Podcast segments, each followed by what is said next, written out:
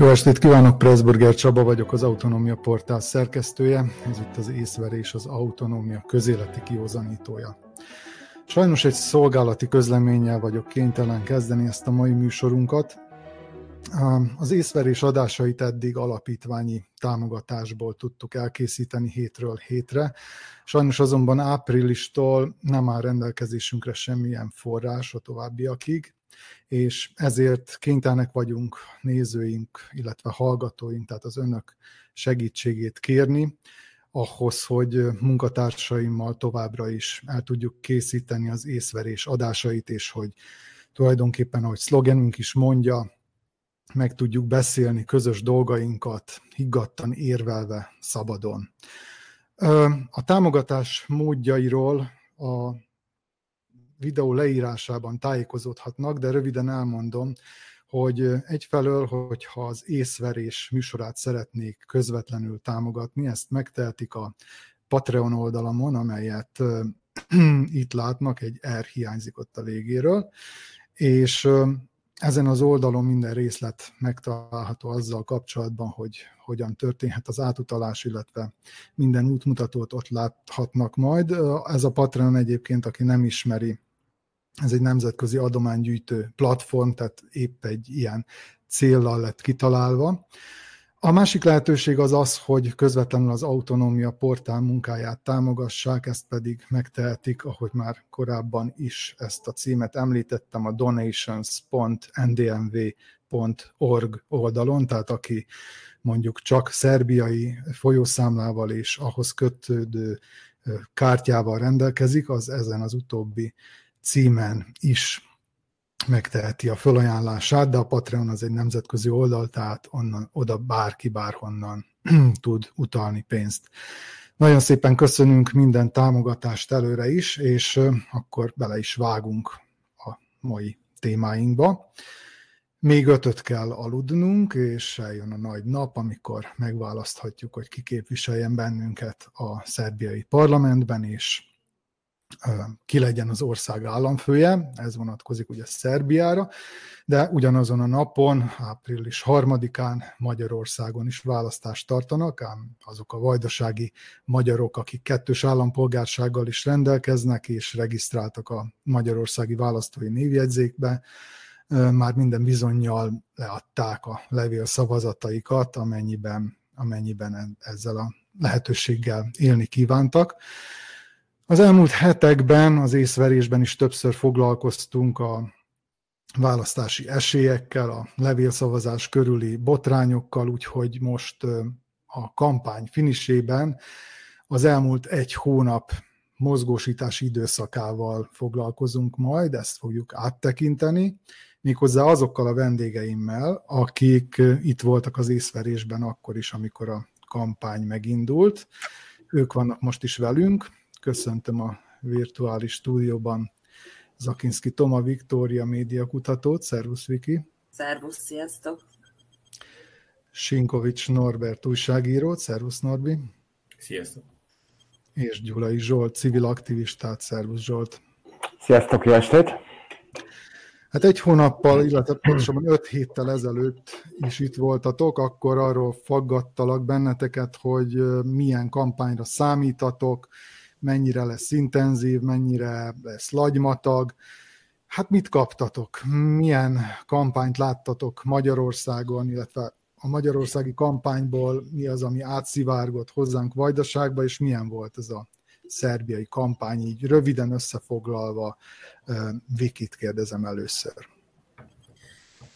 Számomra az volt a legérdekesebb momentuma ennek az idei kampánynak, és talán rendhagyónak is nevezném, hogy igazából a, a hagyományos médiában, tehát főleg a, a rádióra és a televízióra gondolok, illetve a, a közösségi oldalakon is, az ellenzék a hagyományos értelemben, ha hagyományos értelemben vett kampányról beszélünk, akkor az ellenzénk kampánya volt programszerűbb és kampányszerűbb. Én úgy látom, hogy a pozícióból kampányoló két párt, mind Magyarországon, mind Szerbiában nem, ezúttal nem kifejezetten politikai kampányprogrammal kampányolt, hanem az adott helyzettel kampányolt. Tehát itt a kampány finisben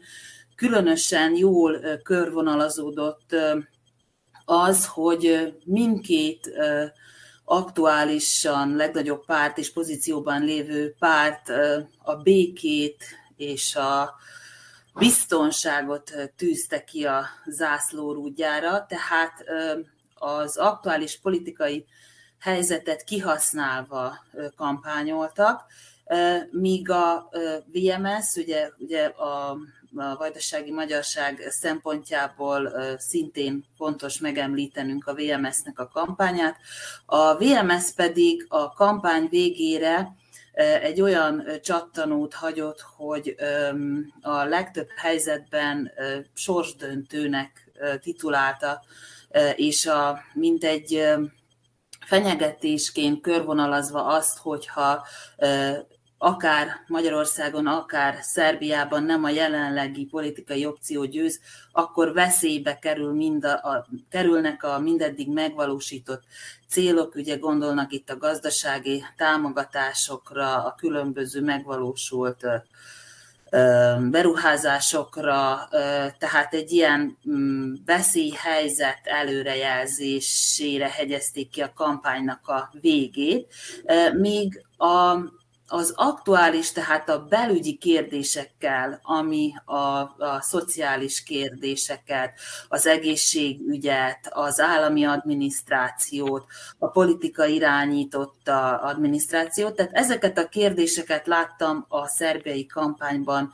leginkább az ellenzék részéről feszegetni. Tehát Igazából ők nem a nagy politikával kampányoltak, illetve nem az aktuális politikai helyzettel éltek vagy visszaéltek, hanem itt láttam megfogalmazódni az ellenzéki kampányban azokat a hangsúlyos kérdéseket, amelyekkel tulajdonképpen a politikai kampánynak szerintem foglalkoznia kellene, míg a pozícióból kampányoló pártok e tekintetben teljesen háttérbe vonultak, és mint egy hagyták azt, hogy az emberek úgymond följönnek a saját levükben, és az általános félelemre rájátszva kampányolnak ők tulajdonképpen. Uh-huh. Norbi, téged érte bármilyen meglepetés, ami a kampányokat illeti? Ilyesmire számítottál másra? Mennyire volt ez a mostani kampány más, mint mondjuk a négy, illetve másfél évvel ezelőtti, hogyha szerbiaira gondolunk? Nem láttam túl sok újdonságot, ami meglepett. Két, két, dolog viszont, két dolgot viszont kiemelnék, ami a szerbiai helyzetet illeti.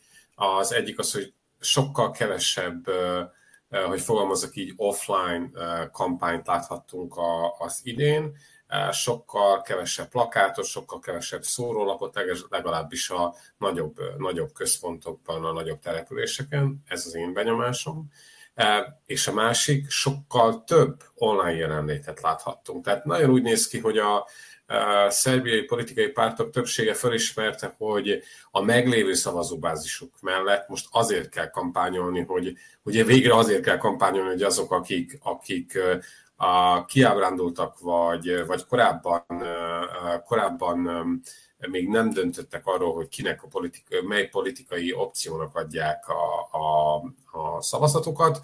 Most kivigyék az urnák elé, és bizony egy, egy, egy olyan számot karikázzanak be, amely, amely számukra előnyös lehet már, mint az adott politikai párt számára. Úgyhogy egy sokkal erősebb online jelenlétet láttam.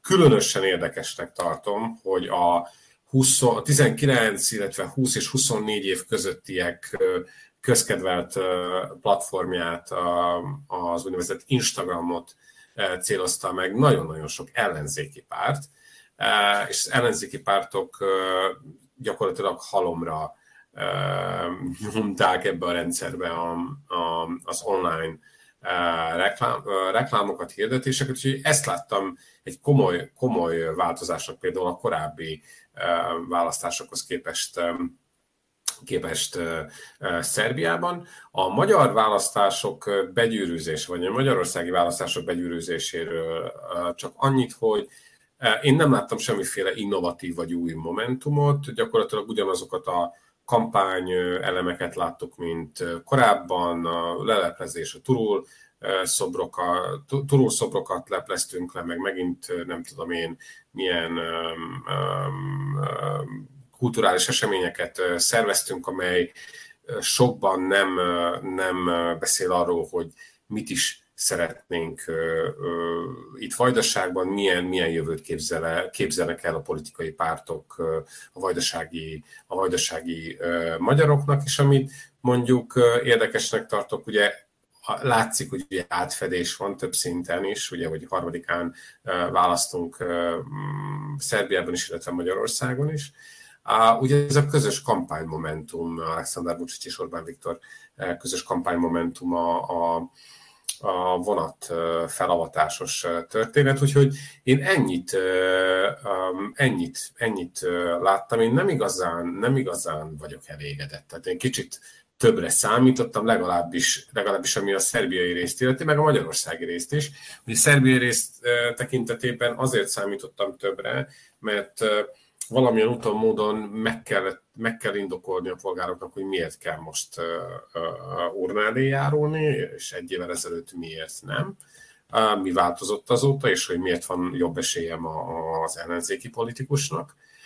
Ez az egyik dolog. A Magyarországi részről pedig egy sokkal határozottabb fölépésre számítottam a, az ellenzék részéről. Ez elmaradt, a hatalomban levők meghozták a formájukat. Még egy fél mondatot mondanék csak, viszont az, ami hihetetlenül meglepett, és ezt tudom, hogy korábban már kampányoltak így, vagy, vagy láttunk ilyen média megnyilvánulást, de például a egyes magyarországi kereskedelmi adók, televíziók közvetlen kampányaktivitásai igazán, igazán meglepődtem, tehát én nem vagyok egy nagy követője a, a kereskedelmi adóknak Magyarországon, de Például most iszonyúan meglepődtem azon, hogy, hogy micsoda kampányvideókkal szálltak be egyes, egyes kereskedelmi tévéadók a, a történetbe. Tehát ez így összességében. Uh-huh. Norbit, illetve Zsolt, téged akartak kérdezni, milyen párhuzamokat, hasonlóságokat láttál a két kampány között. Ugye volt itt egy közös momentum, amit Norbi is említett, ez a vonatozásáról az észverésben is beszélgettünk korábbi adásban. Volt-e bármi más, ami, ami számodra hasonlóságnak tűnt? Hát ami nekem igazából legszembetűnőbb volt, és ez mondjuk kapcsolódik ahhoz a kérdéshez, hogy az offline marketing, vagy hát az offline kampány Magyarországon hogy nyilvánult meg? Hát ott voltak plakátok, igazából rengeteg plakát van. Én mostanában elég sűrűn járok Budapestre, és igazából minden utcasarkon, minden buszmegállóban, minden oszlopon, minden óriás plakáton igazából kampányreklám van. És ugye ebből kapcsolódik ez a, az a hasonlóság, ami ugye a haladó párt Szerbiában a legaktívabb, ami az óriás plakátolást illeti, és az utóbbi mondjuk így egy hétben, vagy a Szerbiában lecserélték a, a, azokat a haladó plakátokat, ahol maga a haladó pártnak a uh, jelölt listájáról bizonyos szereplők voltak, és lecserélték őket Vucicra, ahol megjelent ugyanaz a szlogen, mint ami Magyarországon kb. két hete megjelent a plakátokon Orbán Viktor arcával, az, hogy béke és stabilitás. Nagyon-nagyon sok olyan plakát van Magyarországon, illetve most már itt Szerbiában is, ahol, ahol a két ugye, miniszterelnök, illetve államelnök képe jelenik meg ezzel a, ezzel a kampányszlogennel, tehát béke és stabilitás, ez szó szerint, tehát abszolút egyezik a két, két ország vezetőinek utolsó egy-két heti kampányfinisében látható offline plakátokon. Ami nagyon szembetűnő nekem, hogy azt ugye tudjuk, hogy a, a médiát letarolta a, a magyar kormány, illetve a kormányzó párt, a Fidesz, viszont letarolta a plakáthelyeket is. Tehát nagyon-nagyon, tehát az óriás plakátoknak azt mondom, hogy a 80%-a az Fideszes plakát, és azoknak igazából egyetlen egy mondani valója van, hogy az ellenzék veszélyes egyrészt, másrészt pedig mini gyurcsányoznak. Tehát ez a kétféle óriás plakát jelenik meg úton, útfélen Magyarországon, illetve a fővárosban. Hogy itt más hasonlóság igazából nem nagyon tapintható ki azon kívül, hogy volt egy közös vonatozás és integetés, illetve amit a, a, a Norbi említett, hogy kereskedelmi tévé, igazából ez nem újdonság, mert ez volt négy évvel ezelőtt is. Tehát ugyanez a kereskedelmi csatorna, ugyanezekkel a nevezzük őket műsorvezetőkkel, ugyanezt a kampány videós történetet lenyomta. Viszont az az érdekes, hogy az utcán viszont Budapesten sokkal aktívabbak a, az ellenzéki standolások, tehát rengeteg helyen, rengeteg kerületben, rengeteg téren láttam őket mozogni, ö, osztogatják a szórólapjaikat, próbálják megszólítani a, az embereket. Ö, úgy érzem, hogy, hogy Budapesten nagyon-nagyon erős a jelenléte az ellenzéki, mondjuk így, hogy aktívak az utcán, illetve a tereken. Itt uh-huh. nálunk Szerbiában most hát igazából a haladó pártnak ugye van ez az utazó cirkusza, amit nagyjából minden, minden választásokkor, minden alkalommal ugyanazt eljátsza. Tehát ma épp Szabadkára érkezett ez az utazó cirkusz, száz autóbusszal, zászlókkal, szendvicsekkel, kis vizes übrükökkel, felvonultak, megtapsolták, levonultak, elmentek. Tehát ez volt nagyjából minden. Ez egyébként közös, közös kampányrendezvény volt a VMS-szel, vagy, vagy ki? E, nem, nem, ha közös volt. Hát olyan szempontból volt közös, hogy Pastor István az felszólalt, vagy felszólaló volt ezen a kampányrendezvényen itt Szabadkán, és ami nekem nagyon furcsa volt, és először, talán először láttam ilyet itt Szerbiában, hogy elég nagyszámú VMS-es aktivista, vezető pozícióban lévő politikusa jelent meg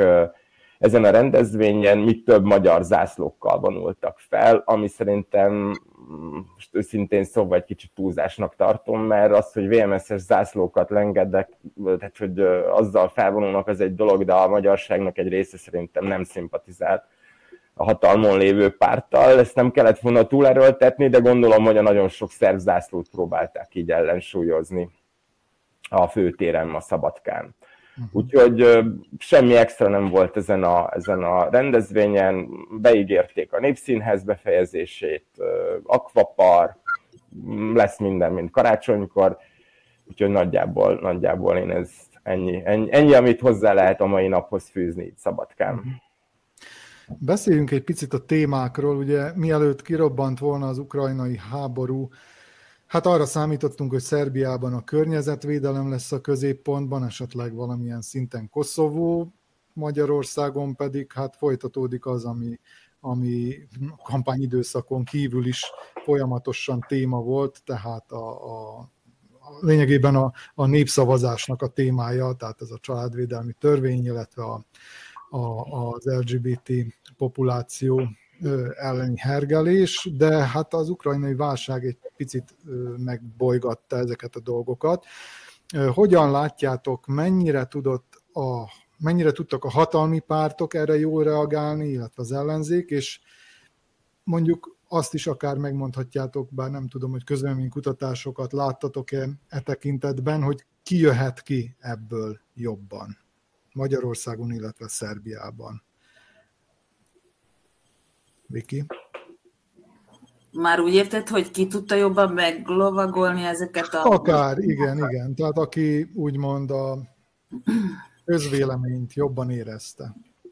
Hát én a kampányból úgy láttam, hogy konkrétan az ukrajnai válság témája az a kampányban Magyarországon hangsúlyosabban jelen van. Tehát ott valahogy kialakult, kiéle, kiéleződött egy ilyen helyzet, hogy annak ellenére, ugye, hogy nyilvánosan a magyar kormány nem állt ki ugye Oroszország mellett, azért hallgatólagosan igen, és tulajdonképpen úgy osztott most két táborra a pozíció, opozíció, illetve az ellenzék és a kormánypárt, illetve a hatalmi párt, hogy ugye a Orbán Viktor és a, a hatalom nem engedi meg, hogy Ukrajnának fegyvert szállítsanak Magyarországon keresztül, ezt pedig az ellenzék, amint hatalomra jutna megtenni. Tehát ezzel tulajdonképpen a Fidesz a kampányában élt is, tehát mint egy fenyegetésként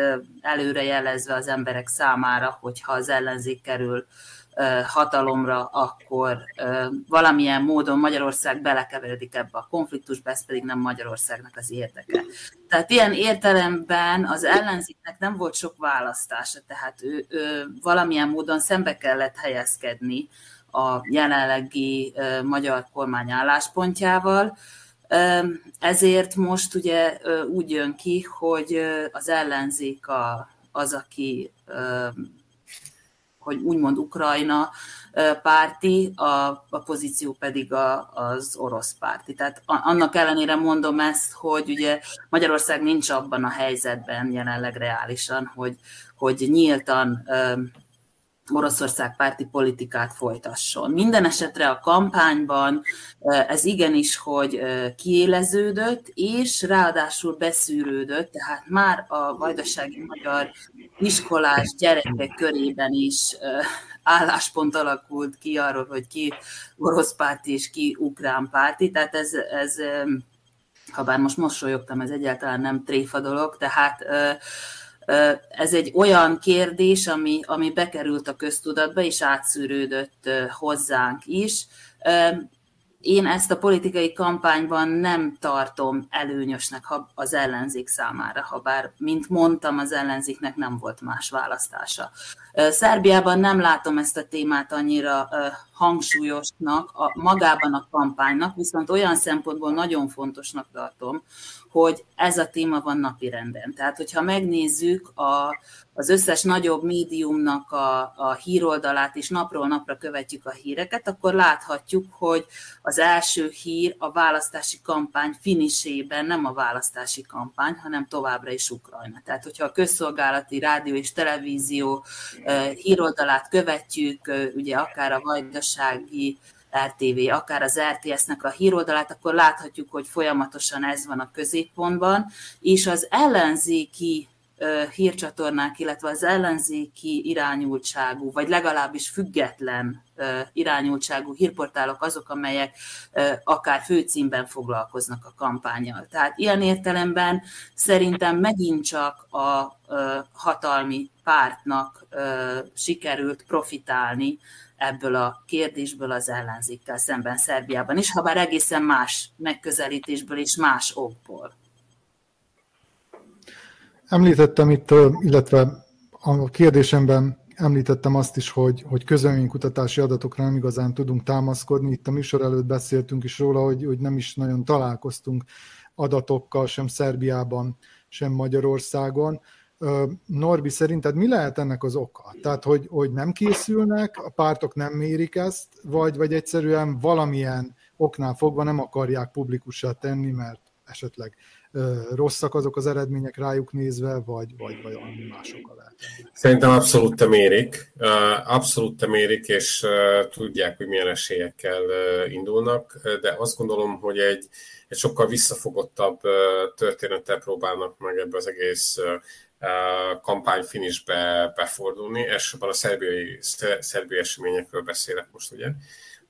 És ennek talán az a fő oka, hogy néhol, ami, tehát azokra a pontokra, vagy azokra a települések, vagy azokra a kerületekre, amelyek elsősorban a fókuszban lesznek a következő időszakban, vagy már vannak ebben az időszakban, mint például Belgrád kérdése, vagy az, hogy lesz-e második kör, hiszen itt nem arról beszélünk, hogy gyakorlatilag milyen uh, nagy tektonikus változások lesznek a politikai, én legalábbis nem számítok nagyobb tektonikus politikai, tehát változások politikai szintéren, hanem ezekre a nagyon érzékeny pontokra milyen eredményt jósolnak a, a különböző különböző ügynökségek, és azt gondolom, hogy ez, ezért próbálják meg magukat visszafogni, ezért nem látunk semmiféle előrejelzést ebben a kérdésben. Ugye itt én azt gondolom, hogy két fontos kérdés van a, a szerbiai választásokon a következő néhány napban. Az egyik az, hogy Belgrádban milyen eredménye zárul a,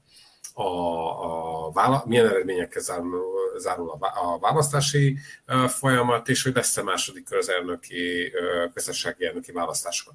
Tehát semmi más, a többit szinte borítékolni lehet, véleményem szerint, hogy milyen irányba fog elmozdulni a, a politikai szintén.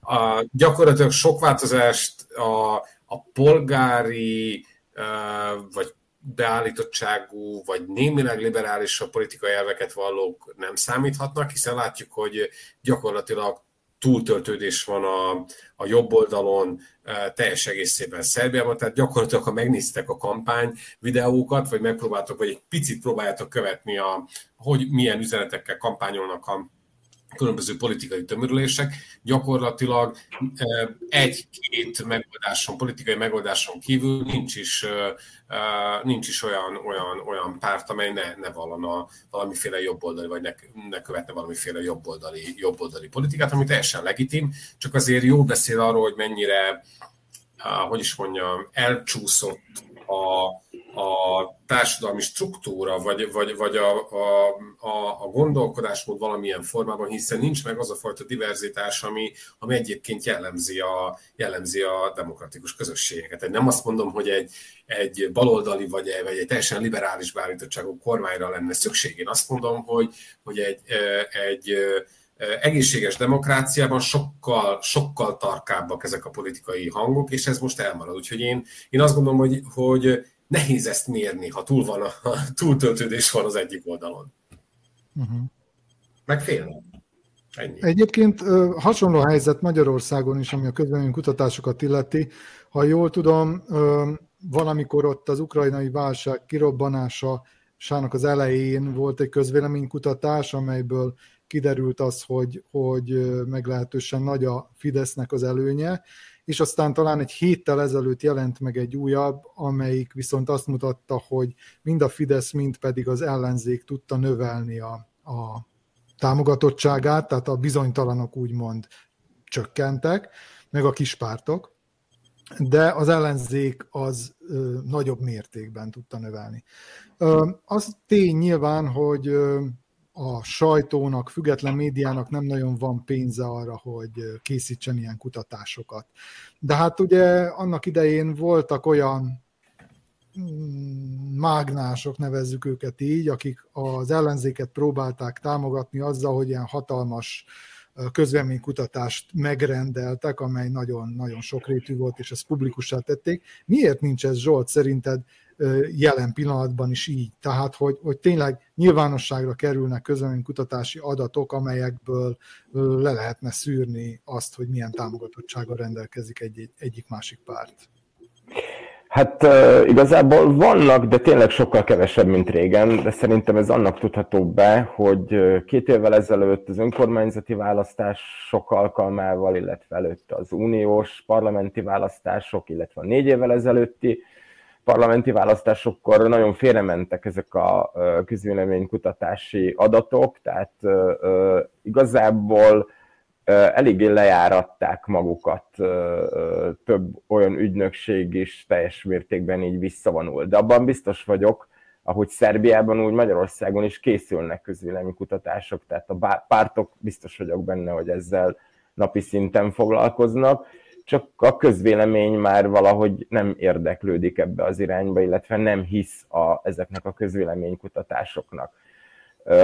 Úgyhogy valószínűleg, hogy ezért, ezért nincsenek is, illetve nagyon sok független ügynökség teljesen eltűnt a, a, a piacról Magyarországon, tehát igazából van néhány kormányközeli, egy-két független, és nagyjából ennyi azok, akik aktívan foglalkoznak adat adatoknak a gyűjtésével. Ami pedig Szerbiát illeti, igen, itt nagy a, nagy a csend, tehát itt, itt itt nagyon-nagyon tapintható, vagy kitapintható az, hogy nincsenek adatok. Üm, igazából tényleg azon múlik minden, amit, amit Norbi is mondott, hogy lesz-e második kör az elnök választás alkalmával, illetve nem. Magyarországon pedig tényleg nagyon fejfej mellett van, szerintem még az utolsó napokban is eldőlhet néhány, néhány ezer szavazatnak a sorsa, és szerintem ezen fog múlni, mert most eléggé kaotikus, legalábbis én kaotikusnak látom a magyarországi politikai helyzetet.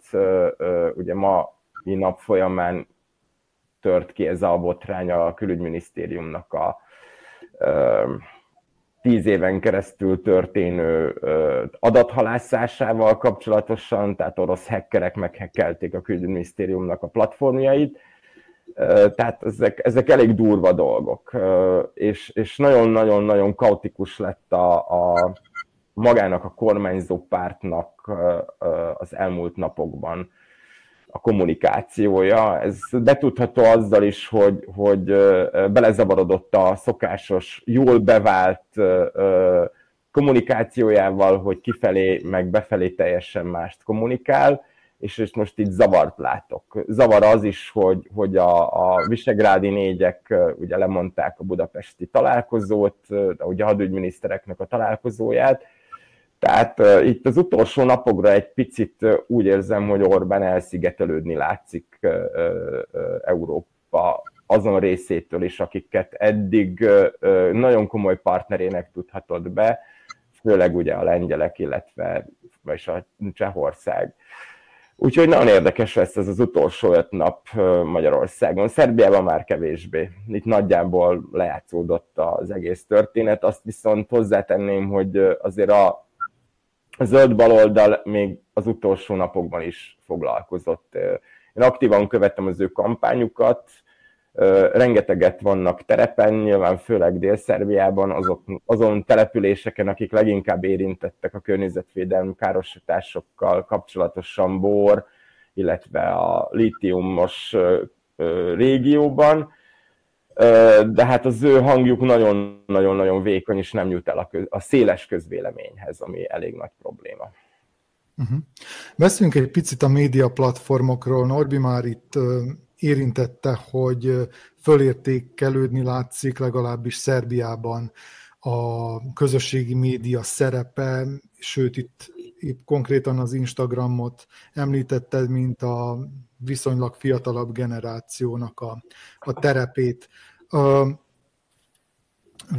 Média kutatóként mit láttál ebből? Mennyire írták le mondjuk akár a szerbiai, akár a magyarországi kampányban a hagyományos médiát, és mekkora ez a térnyerése az úgymond internetes médiának, tehát valamiféle generációváltásról beszélhetünk e, e tekintetben. A, kampány, a kampánynál maradva, tehát hogy a kampány mennyire zajlott az egyiken és a másikon is, mi a jelentősége az egyiknek, illetve a másiknak. Hát én úgy, úgy látom, hogy minden platformon zajlott a kampány, és hogy Norbi is mondta a közösségi oldalakon is, erőteljesebben jelen volt, mint mondjuk a korábbi választásokon, talán lehet ezt mondani. A közösségi oldalakkal kapcsolatban csak az a gond, hogy Ugye a közösségi oldalak algoritmusai azok úgy működnek, hogy a, alapvetően a, a mi kereséseink alapján kapjuk a hirdetéseket, annak alapján annak alapján jelennek meg ugyanígy a politikai kampány elemei is, ezért általánosságban azt lehet mondani, hogy a közösségi oldalakon észlelt kampánytevékenység az valamilyen módon tükrözi a mi profilunkat. Tehát ilyen értelemben nagyon nehéz eljuttatni politikai üzeneteket például egy baloldali irányultságú pártnak egy jobboldali irányultságú emberhez, kizárólag a közösségi platformok segítségével. Tehát ilyen értelemben ez egy picit problematikus, hogyha arra szeretnék használni a közösségi médiát, hogy olyan közönségi rétegeket érjenek el, amelyek egyáltalán nem nyitottak, vagy nem, nem tudnak az adott politikai opcióról. Ez az egyik. A másik pedig, hogy ha a közösségi oldalakról és a fiatal potenciális szavazókról beszélünk, akkor éppen ezzel kapcsolatban olvastam egy közvéleménykutatás eredményeit, miszerint Szerbiában átlagosan éppen ez a 20-tól 30 év körüli fiatal generáció a leginkább apolitikus, aki nem fog elmenni szavazni. Tehát ez egy közvéleménykutatással alátámasztott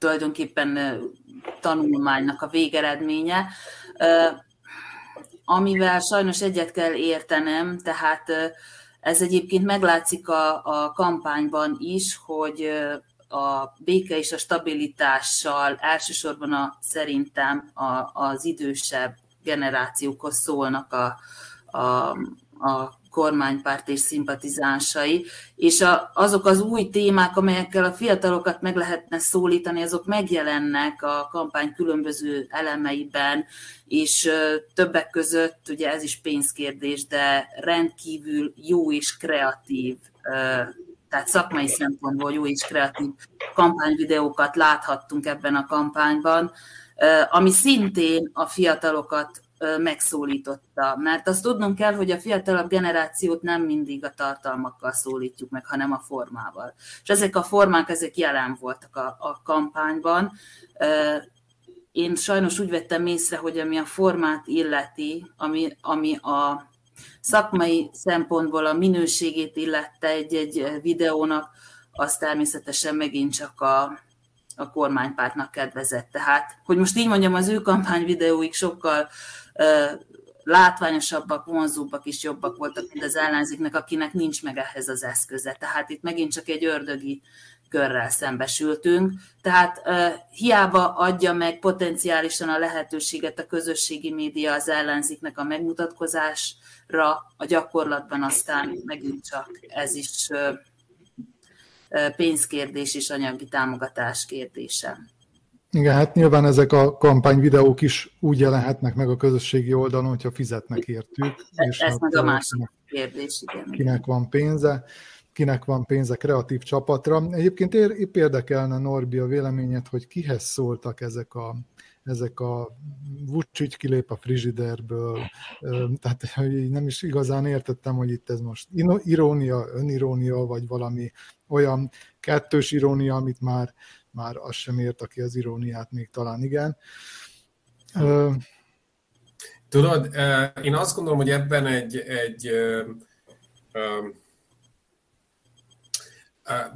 mikor, mikor ezt, ezt a hűtőszekrényből kilépegetős mozzanatot láttuk meg, a, emlékeztek korábban a, a szendvicsosztogatós, a tavalyi kampány láttuk ezt a fajta, nevezzük így, idézőjelesen öniróniát. Én azt gondolom, hogy ennek, ennek nem az a lényege, hogy, hogy hozzám vagy olyanhoz szóljon, aki esetleg kritikusabban lép fel a, a, a köztársasági elnök viselkedésével szemben.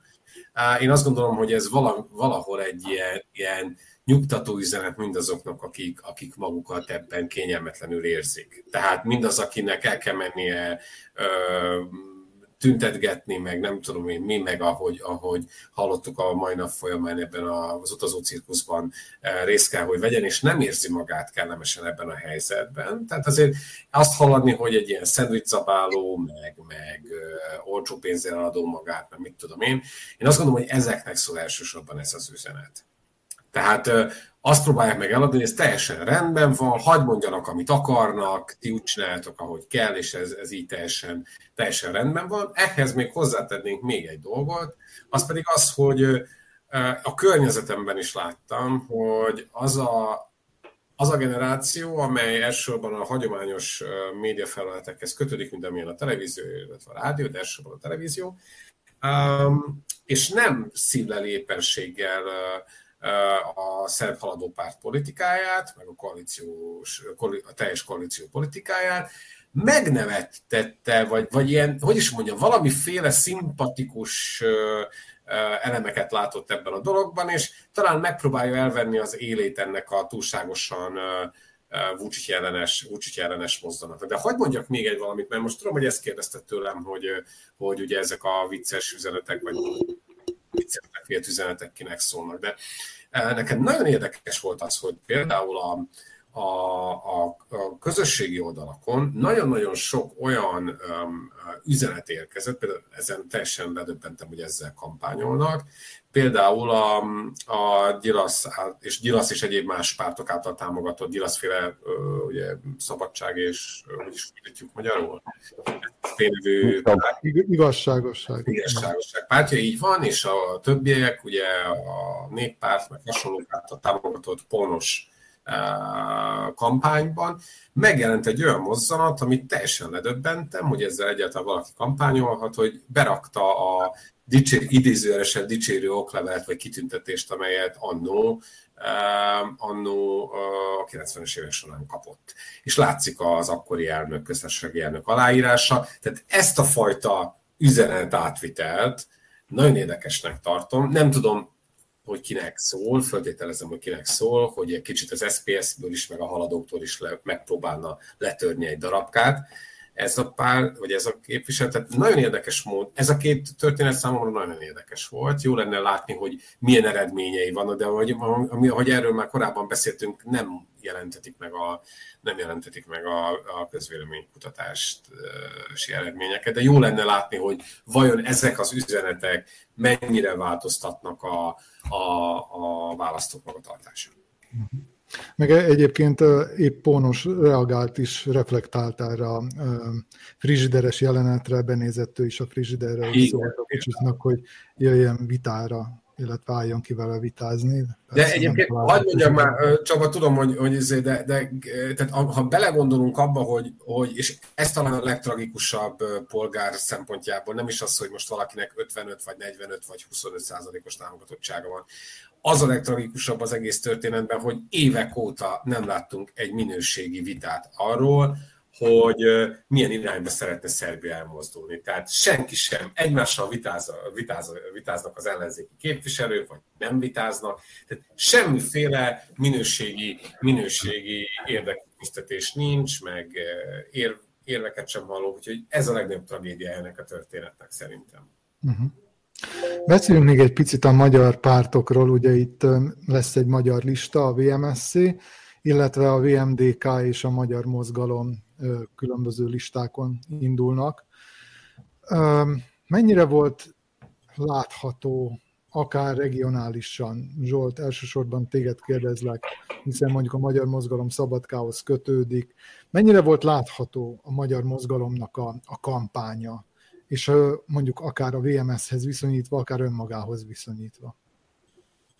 Hát a magyar mozgalom legfőképpen a közösségi médiára szorítkozott. Tehát, ha jól tudom, összesen két olyan megmozdulás volt. Az egyik, amikor a, a, a magyar ellenzéknek a vezetője érkezett Szabadkára, és tartottak egy kampányrendezvényt, illetve amikor a, Móramo nevezető, ahol ugye a magyar mozgalom indul, Móramo listának a vezetői voltak itt Szabadkán, úgyhogy ők szigorúan csak a, a, a közösségi médiára szorítkoznak. A hagyományos médiában mm, igazából nagyon nincs megjelenési lehetőségük. Tehát az elmúlt évekhez képest szerintem most tolta túl leginkább a Magyar Szó 7 nap, Panon TV, az egyoldalúságot, tehát végtelenül kiszorult minden. Tehát igazából egy olyan érzése van az embernek, hogyha belenéz ezekbe a sajtóorgánumokba, mint hogyha nem volna más a világon, csak a VMS. Úgyhogy a magyar mozgalomnak, amit, amit hiányoltam tőlük az, hogy, hogy igazából ez nem feltétlenül kerül sok pénzbe, de hogy az utcán nem nagyon jelentek meg. Tehát amit mondjuk láttam az ellenzék részéről, és itt főleg a Momentum, aki a legkevésbé rendelkezik anyagi eszközökkel, ők vannak talán leginkább aktívan jelen a budapesti utcákon. Tehát tényleg megdolgoznak minden szavazatért. Itt nem láttam ilyen, ilyen jellegű aktivitást, de mondjuk nem láttam a VMS-től sem, leszámítva a, a klasszikus, jól bevált, amit már a Norbi is említett, hogy templomkerítés, templomvilágítás, átadás, szoboravatás, kultúrközpont átadás, megterített asztalok, Coca-Cola, Fanta az asztalon, első három sorban a VMS vezetősége, a hátsó három sorban a helyi aktivisták, tehát hogy igazából minden településen ott voltak, minden településen valamit átadtak, valamit megígértek, de hát ez előtte is így volt. Nem nagyon változtatott a VMS sem a, a jól bevált klasszikus. Ők viszont azért tényleg elmentek az utolsó településre is, viszont nekik megvan az eszközük is, infrastruktúrájuk, ugye tudjuk, hogy Szabadkán nagyon nehéz olyan helyszínt találni, ahova beengedik az embert egy nem hatalom, tehát úgy értve egy ellenzéki valamilyen megmozdulással kapcsolatosan, tehát tényleg kiszorul az utcára az ellenzék Szabadkán, de gondolom Vajdaságban a legtöbb településen ez ugyanígy van. Ö, Hát igaz, igazából a VMDK-t pedig uh, egyszer jártak itt Szabadkán, vagy hát ugye Csonka András, vagy Csonka, na, szóval uh, itt volt a Pónos Szabadkán, és ugye az Egyesült Ellenzéknek a uh, listáján szerepelő, itt felszólalt Szabadkán, amikor a kampányrendezvényük volt, azt hiszem a múlt héten, ezen kívül szintén csak a, csak a közösségi médiában tapintható a jelenlét, amennyire tapintható. Úgyhogy nagyjából ennyi, ennyi az, ami a vajdasági magyar pártoknak az aktivitását jellemezte így az elmúlt négy hétben, öt hétben. Uh-huh. Akkor menjünk át Jósba, és nézzük azt, hogy milyen esélyekkel indulnak a, a különböző listák maradjunk már a VMS-nél, hogyha épp a magyar pártokról beszélgettünk eddig. Ugye tudjuk azt, hogy másfél évvel ezelőtt, amikor a, a másfél évvel ezelőtt volt a köztársasági választások Szerbiában, akkor az ellenzék egy nagyobb része bolykottálta ezeket a választásokat, és akkor a VMS-nek mintegy 50% os részvétel mellett sikerült 9 mandátumot szereznie, de abszolút számban is sok szavazatot kapott, 71.893-at, ami hát jóval több, mint amennyit az azt megelőző választásokon, amikor 56.620-at és négy mandátuma volt a parlamentben, ki is kellett segíteni egy képviselővel, hogy saját frakciója legyen. Most mi várható, mit láttok, hogyha belenéztek a varázsgömbbe milyen esélyekkel indul a VMS, illetve milyen, minek a függvényében kell ezeket az esélyeket vizsgálni. Viki Norbi. Uh, fú, hát jó kérdés. Én azt gondolom, hogy egy tehát ez egy azt is figyelembe kell venni, mikor, mikor ezeket az, mikor számokról gondolkodunk, vagy arra gondolkodunk, hogy milyen esélye, esélye van egy, egy pártnak, nagyon sok dolgot figyelembe kell venni. Nem csak a kampányt, például azt is figyelembe kell venni, hogy milyen időjárás lesz azon a nap, amikor választani fog. Épp most néztem meg a műsor előtt a, a, az időjárás előrejelzést, és hát esős, hűvös időt mondanak, mondanak vasárnapra, ami nagyban befolyásolhatja például a részvételi arányt. Minél magasabb a részvételi arány, annál kedvezőtlenebb lesz az majd a jelenleg hatalmon lévő pártoknak. Tehát minél, most hogyha lefordítom, hogyha az időjárás függvényébe tesszük, tehát hogyha alacsonyabb lesz a részvételi arány, akkor biztosabban borítékolható a haladó párt előnye a többi párthoz képest. Amikor a kisebbségi pártokról beszélünk, ott ugye más szabályok szerint oszlik meg a, a hogy osztják le a mandátumokat, hiszen más, más küszöb, küszöböt kell, kell elérniük. Na most én azt gondolom, hogyha egy ideális esetben, tehát hogyha 60% alatti részvételi arányról beszélünk, mondjuk 55%, 55 plusz, vagy 57, Szerintem alacsonyabb, alacsonyabb mandátumszámra számíthat a, a VMS, lehet, hogy nem lesz igazam, megint csak mondom.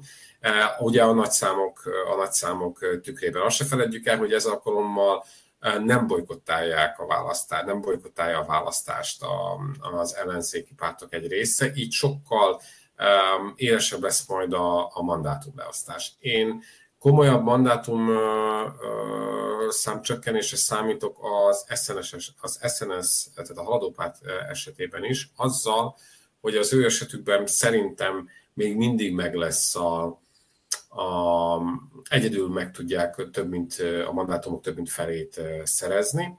Tehát ebből a szempontból megint csak egy kényelmesebb pozícióban lesz, hogy nem kell majd a, a, a szocialistákra vagy, vagy más pártokra támaszkodniuk.